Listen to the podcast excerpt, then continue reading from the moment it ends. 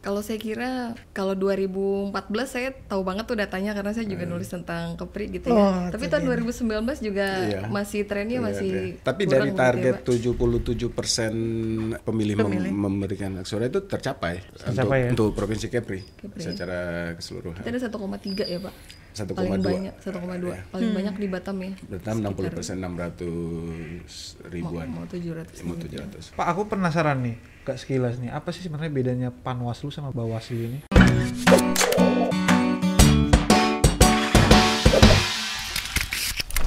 Jadi kalau badan pengawas pemilihan umum itu permanen. Heeh. Kalau Panwas panitia pengawas pemilihan itu ad hoc. Oh, oke. Tapi di oh, ad hoc hanya di apa ada pada saat tahapan itu berlangsung setelah sel- selesai tahapan eh, selesai berakhirlah masa tugas. Nah, sesuai dengan Undang-Undang 7 2017 bahwa eh, untuk Bawaslu sampai dengan kabupaten kota itu sudah permanen dengan eh, masa kerja lima tahun. Oke. Dan yang untuk kecamatan sampai dengan pengawas tempat pemungut- pemungutan suara itu masih tetap ad hoc. Berarti itu Panwaslunya kecamatan, Pak? Iya. Tingkat kecamatan. Berarti dari pusat, provinsi, kota tuh ba- Bawaslu. Ya, Kalau kecamatan berarti Panwaslu. Panwas. ah, masih Oke, mengerti akhirnya. Eh, kalau melihat eh, menjelang pilkada gini nih Pak, kan biasanya banyak mulai muncul situasi yang panas kayak gitu. Iya, iya, Apakah iya. memang kondisi di Kepri eh, mau menjelang pemilu ini gimana Pak kondisinya? Maksudnya di Kepri lah. Kalau dari Menjelang pilkada ini. Iya, menjelang pilkada ini. eh, harusnya ini tanya ke peng- pengamat politik. Nanti dijawab juga sama Bu Lina. Iya. Ah, Kalau iya. kalau kalau kami sih penyelenggara pemilu selalu menyampaikan apa eh, hal-hal mensosialisasikan terkait tahapan, terus terkait dengan larangan aturan yang ada sehingga berharap eh, para kontestan atau peserta pemilihan nanti sudah memahami Aturan-aturan, ya. yang ada baik pada tahapan pencalonan tentang syarat, dukungan, kemudian pada saat setelah ditetapkan sebagai pasangan calon, baik untuk di pemilihan gubernur maupun di pilkada. Kita kan ada enam kabupaten kota. Dari tujuh kabupaten kota hanya Tanjung Pinang saja yang tidak melaksanakan pilkada di pilkada lanjutan 2020 ini. Nah itu sebagai upaya-upaya kami sehingga eh, pemilu yang demokratis dan berintegritas, jujur adil ini bisa terlaksana. Ya kalau sudah itu tuh dipahami bersama, sudah satu mindset kita semua penyelenggara, peserta, kemudian pemilih warga yang akan menjadi pemilih sudah paham, sudah sudah tidak ada hal-hal lagi yang itu tentu suasana adem, suasana Kondusif lah ya. kondusif, aman dan harus sehat karena Harus pilkada sehat, ya. 2020 ini ini dilaksanakan dil- berlangsung pada saat pandemi Covid-19 Iya. berlangsung dan mungkin ini kita adalah pelaku eh, dari pelaku sejarah yang mungkin ini satu-satunya pilkada yang dilaksanakan di tengah pandemi Covid-19. Tapi kalau dari segi maksudnya eh, pelanggarannya apakah sudah mulai terdeteksi ya?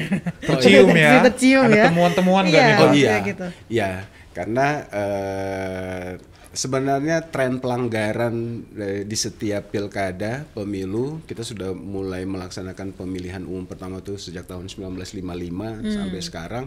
Tren pelanggarannya tuh eh, itu saja yang berulang-ulang. Kalau di Kepri sendiri Netralitas ASN, Oh, oke. kemudian penggunaan ke eh, apa penyalahgunaan kewenangan. Oh, oke.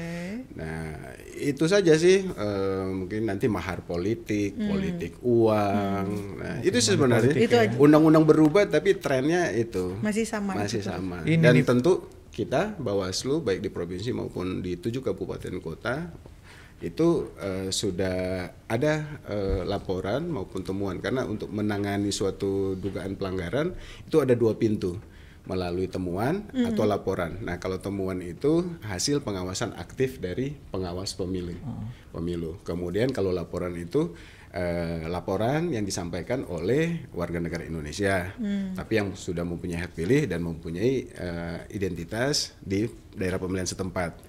Kemudian pemantau pemilu kemudian peserta pemilu itu sendiri. Iya pak, ini kayak kemarin ada ribut-ribut nih di media juga kemarin sempat naik nih, ada kayak kepala daerah misalnya bagi-bagi bantuan lah untuk covid segala macam, terus nanti ada foto dia atau segala macam. Apakah itu bagian dari pelanggaran juga pak? Ya, itu tadi itu s- yang saya sampaikan tadi masuk di penyalahgunaan kewenangan. Oh penyalahgunaan. Nah, kita ketahui bersama bahwa eh, kepala daerah itu juga adalah ketua Satuan Gugus Tugas Pengendalian COVID-19. Nah, ini kita juga sudah melakukan upaya-upaya pencegahan agar di setiap kegiatan yang menggunakan eh, anggaran negara maupun anggaran daerah, uang daerah atau uang negara, PBD atau PBN itu benar-benar tidak ada kepentingan eh, pribadi lah gitu. kepentingan untuk eh, kontestan untuk kontestasi di pemilihan karena politik, ya. saat ini kan tahapan sudah berlangsung untuk pemilihan kepala daerah 2020 Oke. dan kalau misalnya upaya-upaya pencegahan kemudian kita juga sudah ada mengadakan workshop dengan eh, untuk daerah Sumatera itu kemarin dilaksanakan di Sumatera Barat di Padang dengan mengundang semua kepala daerah yang melaksanakan pilkada. Nah di situ disampaikan tentang eh, larangan-larangan di Undang-Undang 10 2016 pasal 71 ayat 123 yang itu eh, terkait dengan eh, petahana atau yang akan mengikuti eh, pilkada 2020. Wah jadi serius kita padahal iya benar tadi saya Padahal tadi eh, Mbak Tia sama Mas Henry udah bilang, Rehnat udah bilang Enggak, kita- Harus asik ya. Iya harus asik. Kadang memang harus ada dinamikanya pak, agak tegang dikit baru asik lagi. Karena kita gitu. penasaran sama eh, ini kan pilkada Iya. 2020 sebenarnya gitu. iya, iya, iya. Jangan cuma penasaran, kita harus Ikut berpartisipasi ya? menjadi pemilih ya. yang cerdas. ya. Menjadi pelaku sejarah. Nih apalagi sekarang nih kan posisinya eh, orang sudah menggunakan semua medsos. Iya. Di semua sudah digital ya kan. Betul. Jadi sekarang juga eh, banyak calon-calon itu tuh udah mulai nge-branding lah melalui medsos. Nah, tapi eh, sosial media sudah ramai juga dengan segala hujatannya. Iya kan? Dan makian terhadap lawan politik. Nah, bagaimana Bawaslu melihat ini? Ya, t- eh, ada tahapan, ada lima tahapan besar lah di dalam pelaksanaan pilkada serentak lanjutan tahun 2020 ini, mulai dari eh, apa penyusunan daftar pemilih itu, kemudian eh, pencalonan, setelah pencalonan maka kampanye. Eh, kampanye kemudian eh, distribusi pengadaan dan distribusi logistik Eh, terakhir hari H pencoblosan kemudian sampai pada eh, penetapan pasangan calon terpilih. Nah mungkin yang krusial adalah di tahapan kampanye. Semua tahapan sem- semua krusial. Tapi kalau yang ditanya Mbak tadi terkait dengan apa berita-berita negatif hujatan, iya. nah itu masuk juga di dalam pengawasan eh, Bawaslu. Nah kita ketahui bahwa dalam kondisi eh, pilkada diselenggarakan pada masa pandemi ini tentu eh, dengan pembatasan apa eh, kerumunan orang pertemuan dan segala macam harus memperhatikan dan menerapkan protokol COVID-19 tentu mungkin akan lebih banyak eh, dengan menggunakan media daring. Kemudian juga menggunakan eh, media sosial. Nah ujaran kebencian, eh, berita bohong, hoax, kemudian tentang apa eh, suku agama ras antar golongan itu juga menjadi pengawasan dari Bawaslu. Bawaslu. Kemudian ta- hari ini tanggal 28 Agustus 2020 eh, kami Bawaslu KPU dengan Kementerian Kemenkom Info menandatangani suatu kerjasama tentang eh, melawan eh, hoax, informasi menyesatkan, ujaran kebencian pada pilkada 2020 ini. Pilkada 2020. Ada tiga poin penting itu tadi, kemudian melakukan literasi, edu- edukasi dan sosialisasi kepada semua pihak masyarakat. Kemudian yang ketiga eh, mendukung untuk eh, eh, pemerintah dan penyelenggara pemilu menindak apabila ada media sosial yang eh, melakukan tadi Hujatan dan informa- sebagainya. informasi sesat, informasi yang nggak benar, hoax dan kemudian eh, SARA yang mengandung unsur SARA. gitu. Tapi kalau untuk peraturan khususnya sendiri belum ada, maksudnya Ya. terkait dengan kampanye di Karena medsos ya Pak? Kalau kampanye di medsos itu sudah diatur, sudah, Oh, sudah diatur. sudah ada. Kemudian kalau misalnya memang terkait dengan tindak pidana, nah itu tadi ada temuan, ada laporan. Ada nah, temuan, ada kalau temuan itu hasil pengawasan aktif dari pengawas pemilu, termasuk juga eh, hal-hal yang kita temukan terkait dengan eh, kampanye hitam, black campaign dan segala macam, informasi sesat dan segala macam. Kemudian eh, itu yang akan diproses.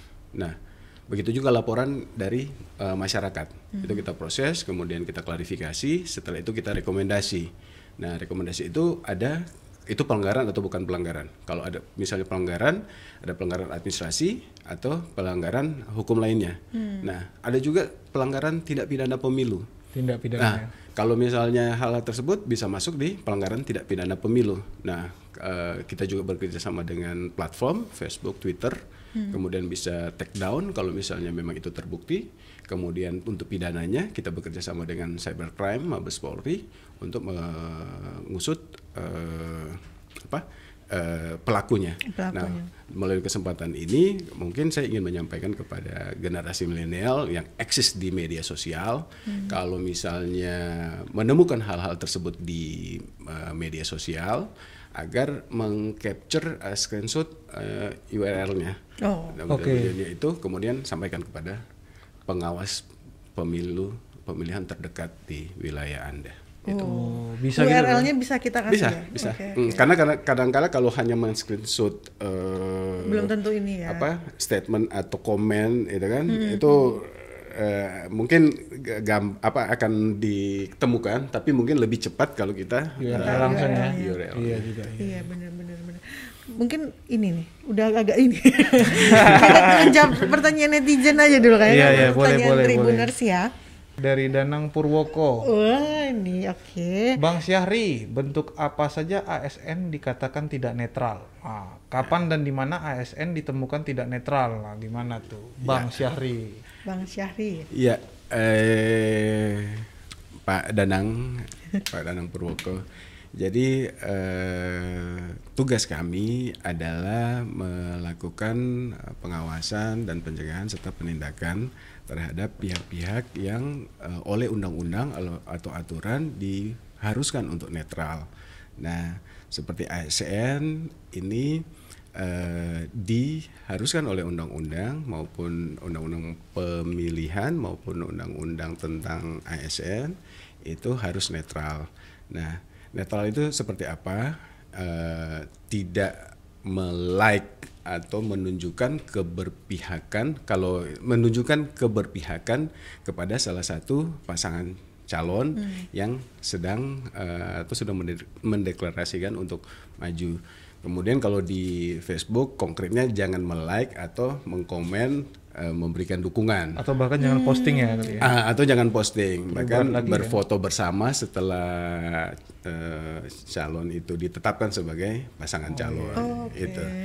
Nah, kemudian juga eh, dari yang pernah kami periksa pada tahapan pilkada ini ada ASN yang melakukan pendekatan dengan partai politik terkait dengan pencalonannya. Nah, itu tentu eh, laporan yang masuk harus kami tindak lanjuti. Itu yang Bahkan- terkait dengan netralitas ASN. Iya, bahkan like aja juga nggak boleh. Iya. Iya. Saya karena tadi pantunnya bagus di like itu nggak Iya. boleh juga ya. Eh, Tapi karena ASN ini juga adalah eh, pemilih, Hmm. ya kan, tentu juga harus mengetahui visi dan misi dari Iya, calon yang akan dipilih. Nah, dalam mengetahui itu ya tidak boleh eh, ikut terlibat eh, langsung, maksudnya hadir di kampanye dengan memakai eh, apa identitas identitas sebagai ASN misalnya Hmm. hadir di suatu kampanye masih dengan pakaian korpri misalnya Iya, atau pakaian instansi eh, di mana Iya. bapak ibu itu bekerja dengan lambang-lambang Hmm. atau bah- apa gaya tubuh bahasa tubuhnya misalnya dengan eh, jargon atau dengan eh, apa eh, apa ya Simbol-simbol. simbol-simbol Diwakili terus. ya. iya memang ahli politik kita ya Membantu menjawab nih, membantu menjawab nah Terima itu, kasih Mbak Lina. nah, itu mungkin Mas Renhat sama Iya iya iya. oke. Ada lagi nih. Danang. Luki Saputra. Oke, apa tuh kak? Sekarang lebih ke era digital serba medsos. Bagaimana menurut Ibu peran kita anak-anak muda untuk saling mengingatkan pinter menggunakan medsos? Ah, gimana tuh bu medsos. cara menggunakan medsos yang baik tuh? Nah ini Pinter-pinter Oke oke. Mindset mindsetnya dulu. Hmm. mindsetnya. Mindsetnya dulu yang agak di bukan diperbaiki ya tapi didudukkan pada tempatnya begitu. Disesuaikan ya? Disesuaikan. Oke. Mindsetnya, kemudian waktunya. Artinya waktu luang untuk menyimak nih, menyimak, mencari tahu informasi dan seterusnya yang positif-positif semua. Tentang misalnya kalau kaitannya bicara pemilihan, semua itu. Kapan pemilihannya, siapa saja yang akan dipilih, waktu. Dua hal itu yang sangat penting begitu. Iya, Jadi iya, sehingga menjadi eh, milenial yang bijak begitu. Ini yang bijak ya. Terima kasih sudah main ke Sama-sama. Tribun Podcast. Sama-sama, kami Terima, Terima kasih Pak Bu. Ya, Mas Terima kasih. Eh, terima kasih juga untuk Tribuners yang sudah menyaksikan episode kita hari ini. Terima kasih Pak Syahri sekali Terima lagi dan kasih. Ibu Lina. Terima kasih. Terima kasih semua dan bye. Bye bye.